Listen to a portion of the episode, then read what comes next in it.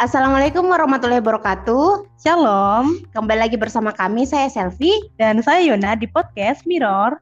Beda tapi sama. Yeay! Oke, jadi ini kita sekarang sudah episode berapa nih di season 2 ini? Episode 2 sih Kak, setelah kemarin Iya. bintang tamunya Kak Fadba, Kak Fadwa ya?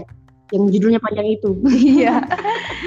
jadi eh, sekarang ini kita akan kedatangan bintang tamu lagi. Hmm. Eh, dan tamu ini adalah bintang tamu yang sangat-sangat luar biasa ya. Oh, iya, iya, iya. Eh, by the way, Selfie, Selfie suka mendaki tidak?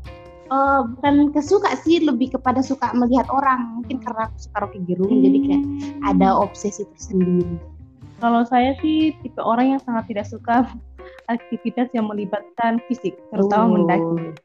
Berarti Kayon ini kalau pilihannya tim pantai atau tim gunung, Kayon adalah tim pantai. Pantai. Aku tetap tim Tapi saya sih. juga suka eh, gunung sih, kecuali untuk mendakinya. Jadi saya Oh. pengen ke gunung, tapi langsung ke gunungnya aja, Oh, usah langsung mendaki. lihat. Tapi kan Benar-benar. Kayon prosesnya dong yang penting Iya, betul. supaya rasa Jadi- puasnya sepadan.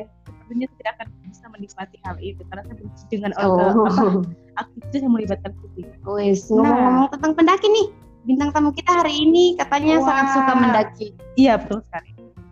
Dan dia teman saya, teman sekelas saya. Hmm. Jadi kami tuh sudah akrab sejak semester pertama sampai sekarang. oh my god. Dan aktivitasnya itu mendaki ya, karena Hmm. dia juga tergabung dalam Mapala, Unsur Mapala, ya. Mapala Unsur Bar. Iya. Nah, namanya itu adalah Nur Hajiah. Ah, halo Nur Hajiah, bisa muncul sekarang? Halo teman-teman. Halo. Perkenalkan diri dulu dong. Oke, saya Jia. Bisa follow IG-nya teman-teman. Langsung promosi ya. Langsung promosi ya. lihat. Oke. Oke. Eh, Jia, sekarang aktivitasnya apa saja nih? Hmm, banyak sih selain mendaki salah satunya. Eh, juga ada bisnis kecil-kecilan. Oh, Hmm. business woman ya. Iya, sangat mandiri loh Kak Jia ini. Oh iya, proposal ya, proposal. Oh iya.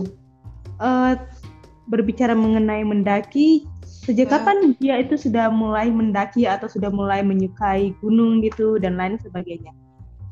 Hmm, sebenarnya kalau perihal mendaki, sejak kecil mungkin saya suka mendaki karena Oh, iya. kebetulan orang tua saya tinggalnya di apa?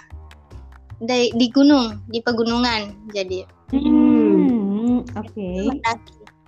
Hmm. Tapi kayak em, yang mengabadikan momen, membagikan di sosial media itu dari kelas 1 SMA oh, sejak merantau ke Majene. Mulai dari situ saya ikut saya sering ikut teman-teman eh, satu sekolah yang suka mendaki. Hmm, sudah berapa gunung nih yang sudah didaki? Berapa ya? Kalau di? Majene kayaknya mm, satu gunung eh, sering beberapa kali. Misalkan satu gunung oh, tak lima kali ke sana mm, mendaki. Terus yang di Makassar baru satu kayaknya. Wah ini info yang menarik ya. Aku kira Kak Jia ini mulai tertarik mendaki ketika merencanakan untuk masuk Mapala Unsur Bar. Ternyata sudah lama sekali ya. Iya, tidak. Iya. Terus eh, dari sekian banyak pengalaman yang telah kamu lalui tentang mendaki itu, apa sih yang paling menarik? Pengalaman apa yang paling menarik sejauh ini?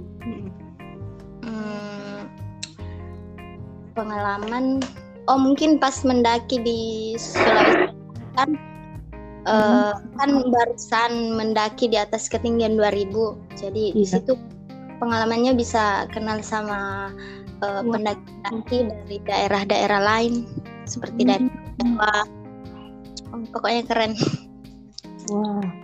Iya Kak Jia ini kan terkenal banget tuh, temannya banyak. Iya. Jadi kalau mau promosi barang itu sangat oh, Boleh. apa ya? Ya, enak sangat, sekali. sangat relevan untuk Mau promosi barang teman kontaknya banyak banget ya. Iya. Selebgram, eh seleb WA. Seleb ya. Ya, kita sangat-sangat canggung ya Hmm. mungkin karena baru bangun tidur semua. Iya. Eh, by the way, tadi ini kita Iya, bener-bener tidur sekamar ketiduran semua. semua. Dan kita rekam ini jam berapa nih? Oh jam 5, patah Hmm. saja ya. Iya sudah lepas banget Dan coy. Yona juga tenggorokannya agak sangat sangat Mm-mm. Oke, eh, terus ngomong-ngomong soal mendaki lagi nih, Jia. Eh, momen Iya. apa yang berbekas ketika kamu mendaki? Hmm, momen apa ya? Berbekas gitu. Sama teman-temanmu terutama.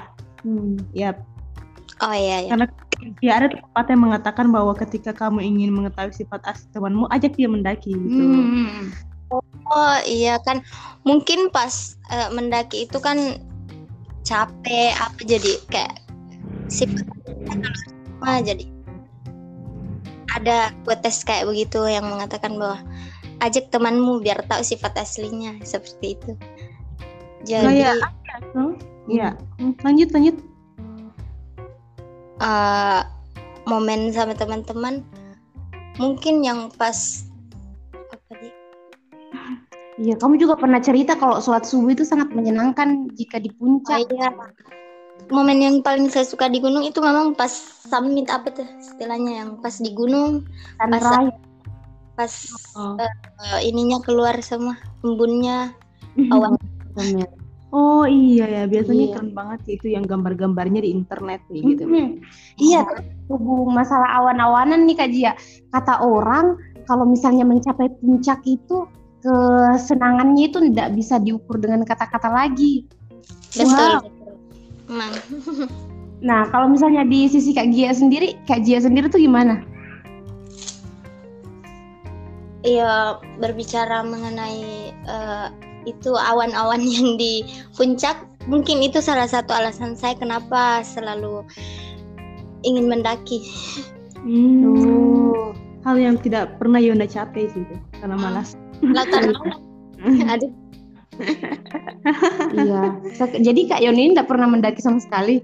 Pernah sih waktu masuk pramuka, itu pun juga Pak Bukit tuh sudah, aduh my god, saya tidak akan mau Hmm. mendaki lagi gitu. Hmm, Tapi Benar-benar. bisa sih Kak Yona menikmati lautan awan yang tidak ada mendaki-mendakinya.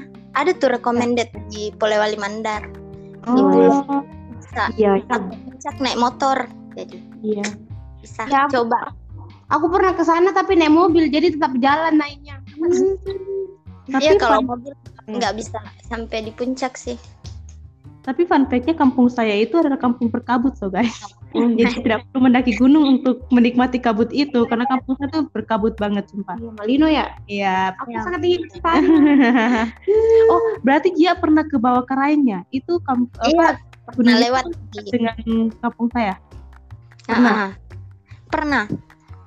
Oh Jadi- iya itu hmm, itu di Malino. iya Hmm. itu sangat terkenal gunung yang juga cukup terkenal di kalangan para pendaki itu bawah karaeng gitu. Keren ya. Iya. Ini kayak apa sih? Aku merencanakan mendaki sih, jadi ini Ah, sangat keren malas. untuk Sangat beda ya. Excited ya kamu. Nah Kak Jia, ada nggak sih rencana gunung apa yang apa ya kayak mountain dream kali ya Iya. yang kamu impikan kamu gitu. Ke gunung gitu.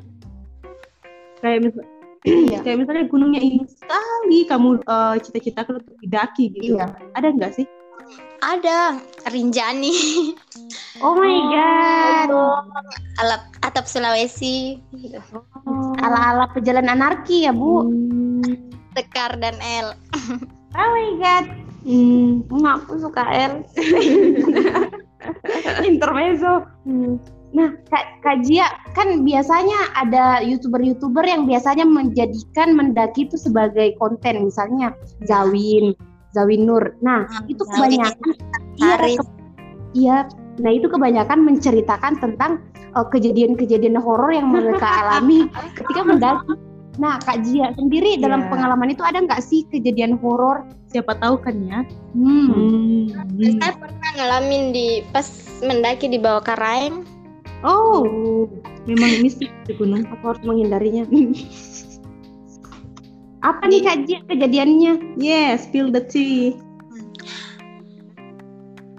eh, melihat makhluk aneh sih. Ah, kamu dilihat dong. Makhluk aneh itu bagaimana? Kayak makhluk kecil Oh my god. tapi mukanya itu Ih, Oh. Eh, ini nggak usah dilanjutkan kayak ceritakan deh aku takut. Next Podcast ini kan bukan question. tentang horor. Next question.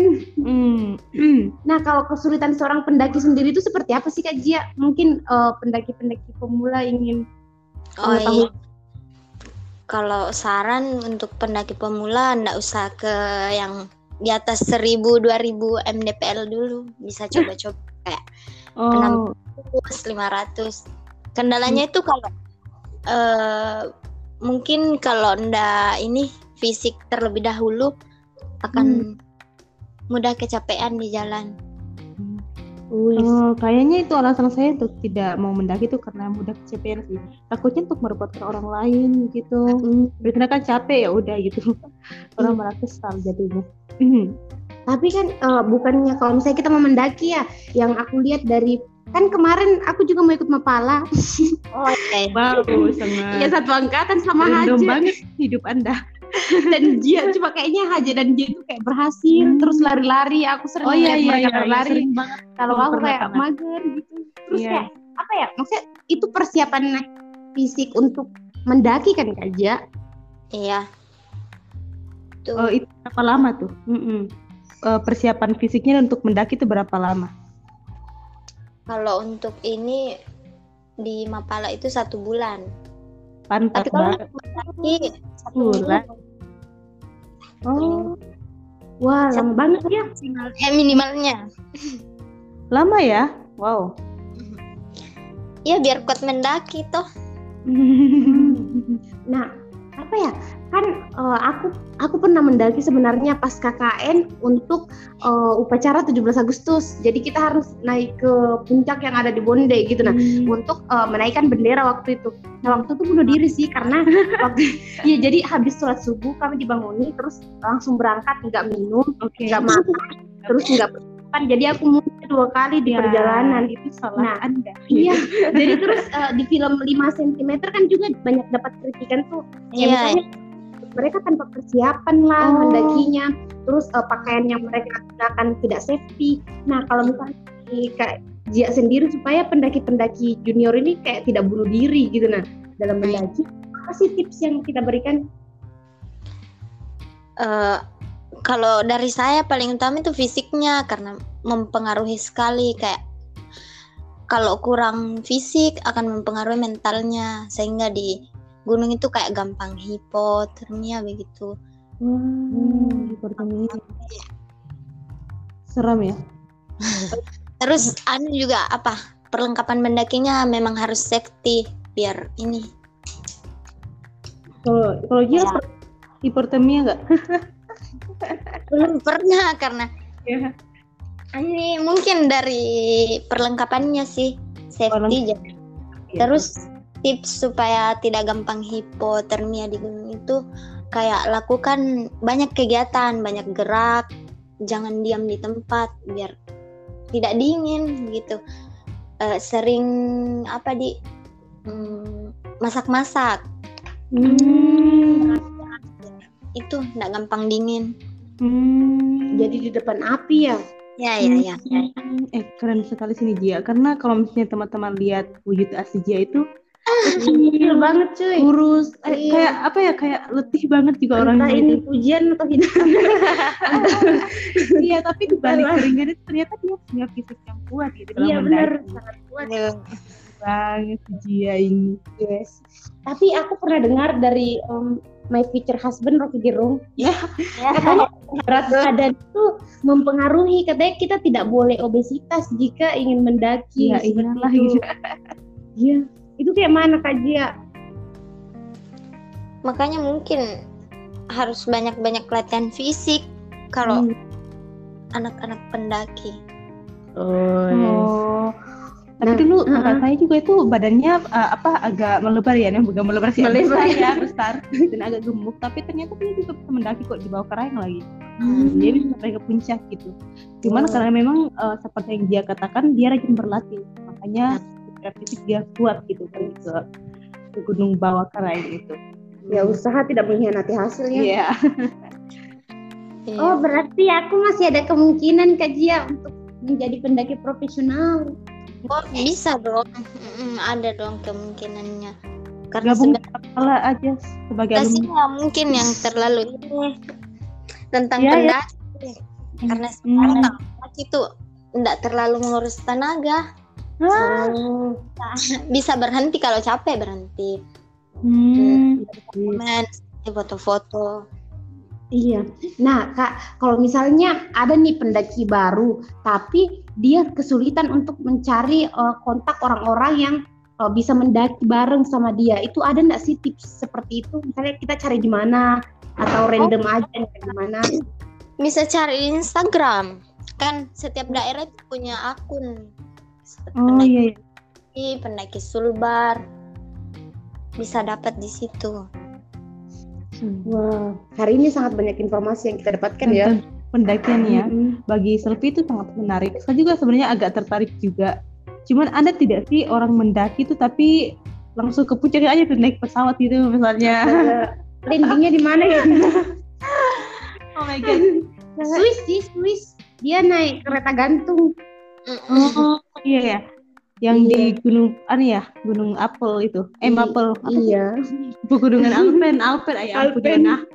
Oke, eh terus ya itu kan kalau misalnya eh, orang mendaki itu ada tuh tas yang berat di bawah itu. Iya. Nggak sih itu? Carry Itu itu harus dibawa ke gunung. Oh my god. Iya itu kok bisa dibawa ya? Kok pertanyaannya begitu? Iya itu Ya ini beneran loh per- Hmm. pertanyaannya.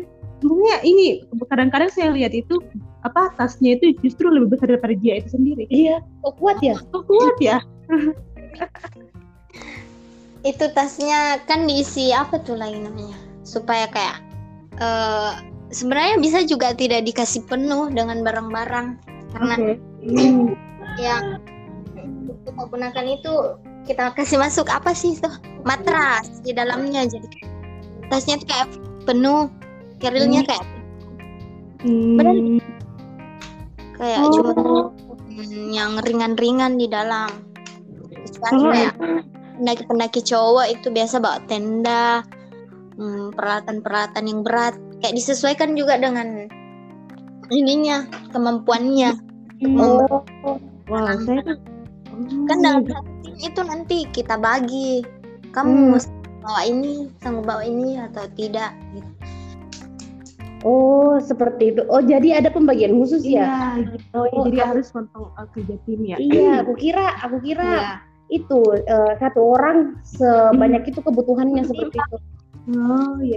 kebakaran cuma bawa eh, diepack yang tas kecil Iya. Astaga.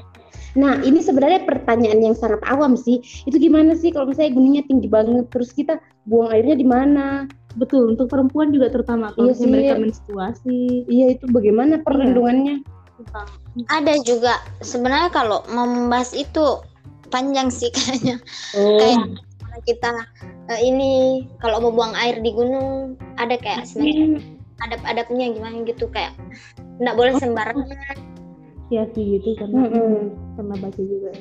Iya, nah kalau masalah anu sendiri Kak Jia, masalah sampah di gunung nih, kan biasanya tuh eh, jika ada salah satu misalnya ketika Bulo waktu itu booming atau ketika Rinjani eh, booming gara-gara itu, maksudnya dia lebih booming. Sing, apa ya sesuatu yang booming akan menghadirkan orang awam seperti menurut saya seperti itu. Jadi bagaimana Iya, nih iya, iya. per- persoalan sampah di gunung kalau menurut Kak Jia? Bagaimana oh, kita supaya tidak membuang sampah sembarangan lah? Apakah dibawa pulang atau dikasih bagaimana? oh ada juga tipsnya satu sebenarnya Hmm, tapi bagus sih kalau buat pembahasan satu pembahasan untuk khusus sampah tapi Hmm. saya akan memberikan sedikit penjelasan mengenai eh, sampah Iya.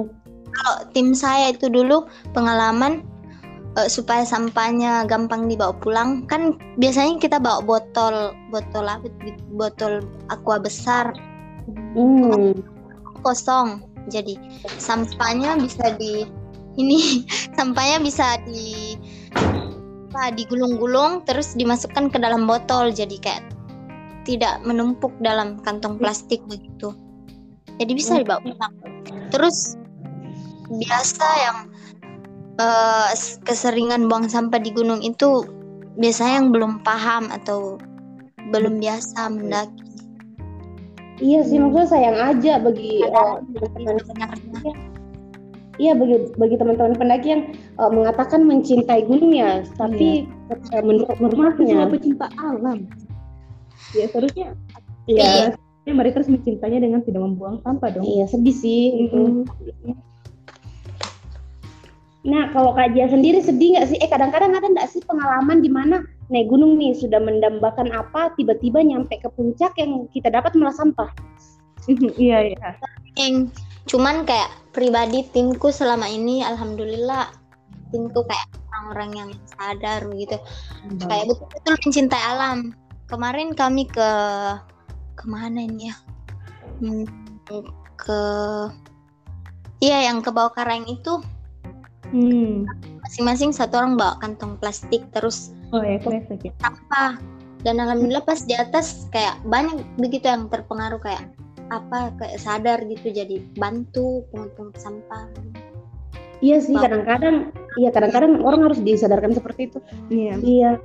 Kayak gitu aku juga pernah di Bulo tuh kayak banyak banget sampah jadi sekalian depan orang supaya kayak itu Iya. cara sarkas yang Orang-orangnya peduli tidak? Iya. Orang-orang? Iya. Ya, tapi kan aku dong. jadi ini Hmm, banyak yang hmm. yang buang sampah sembarangan Dalam kasusnya Kak Jia, orang peduli nggak sih kalau misalnya kita melakukan itu? Mm-mm. kenapa Dalam kasusnya Kak Jia selama ini orang peduli nggak kalau misalnya eh, kita memunguti sampah dan terlihat begitu sengaja untuk memperlihatkan apakah mereka tersinggung atau ikut atau bagaimana? Kalau pengalaman saya pribadi di kalau di gunung-gunung tinggi itu hmm, udah sama sih kayak di Bulo kemarin kan saya juga sering ke Bulo Sering kalau kita dengar sering. lima kali sih kayaknya ya Oh. kayak menumpuk sekali sampahnya memang. Kalau di gunung yang tinggi mungkin karena eh, orang-orangnya kayak untuk mencapai puncaknya itu butuh perjuangan jadi kayak mungkin kesadarannya dengan gitu masa Iya. Oh iya, bener. Mungkin Iya. ada perbedaan antara perjuangan dan tidak. beda kayak Jadi bisa didefinisikan kita harus menghargai. rata orang bebas mas biasanya kalau gunung-gunung yang tinggi itu ada peraturannya batasan umur untuk ke atas kalau di Bulo itu kayaknya ndak ada Ah, Iya. Hmm. Itu kayak untuk pendaki amatir seperti selfie sih. Iya. Iya kan kalau di di gunung-gunung yang tinggi kayak bawah karang itu ada tempat registrasinya jadi kita Oh iya betul sekali. itu jadi kalau misalkan belum ada tanda tangan yang menyatakan kalau itu sudah turun gunung eh, akan menghubungi tim sar untuk cari begitu Oh. Itu kan begitu Iya. Jadi ada hmm, pendengar juga sih ada rentan waktunya gitu Iya. batas Tapi aku akan membuktikan sih. oke Tidak semangat. Oh my saya God. eh, penikmat foto-fotonya aja gitu Oh, yang iya. yang tulis nama itu salah buat Yona Oh dari iya iya, iya. Karai. nanti aku eh, kirim oh boleh boleh ya boleh ya Iya. Nah, pertanyaan terakhir untuk kajian nih. oh iya iya Si mendaki untuk kamu. Hai sih ini harus filosofi filosofi Harus ada mendaki itu filosofinya. dia bagaimana Kalau boleh ada itu unsur HI eh enggak bercanda. nggak usah, nggak usah, nggak usah, nggak usah terlalu berpikir. bisa karena agak ini putus-putus apakah Hai kak Iya. halo Halo. Hai, masih terdengar kok di sini. Hmm. iya dengar coba Oke. yang pertanyaan terakhirnya tadi bisa diulang Oke, begini. Ada- um, sempat apa apa arti gitu? Apa arti Oh. mendaki? Ya, apa filosofi yang kamu temukan ketika kamu rajin mendaki gitu? Rajin ya, eh, Iya. sering keseringan mendaki. Oh iya, oh iya ini nih. Mungkin Asik. bagi teman-teman yang melihat di sosial media atau apa mungkin apa sih eh, ininya untungnya mendaki cuman cari capek tapi Hmm, selepas dari semua itu teman-teman banyak teman-teman yang tidak tahu bahwa mendaki itu banyak banyak sekali pelajaran yang bisa didapat kayak pertama solidaritas Hmm. kemudian kayak apa eh, mengajarkan kita perjuangan kita kayak Hmm. dan satu, dua tiga sampai sepuluh itu kita kayak melalui rintangan pas di puncaknya itu kita akan disuguhkan pemandangan yang indah lautan awan kayak tidak akan kita temui di dataran-dataran rendah begitu. Jadi banyak sekali pelajaran. Kemudian eh, mengenai musibah yang menimpa baru-baru ini di daerah saya gempa gempa yang kemarin itu Hmm.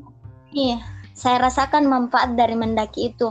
Rata-rata yang menghubungi saya itu teman-teman saya yang ketemu di jalur pendakian ketemu di puncak. Mm-mm. mengirimkan donasi dari berbagai daerah untuk daerah-daerah kami yang tertimpa bencana jadi kayak di kayak kepeduliannya itu lebih ini menurut saya orang-orang yang suka mendaki Iya, mungkin karena ketemunya itu ya berjuang bersama, akhirnya perasaan yang terbangun Hmm. itu lebih dalam sih. Iya betul banget.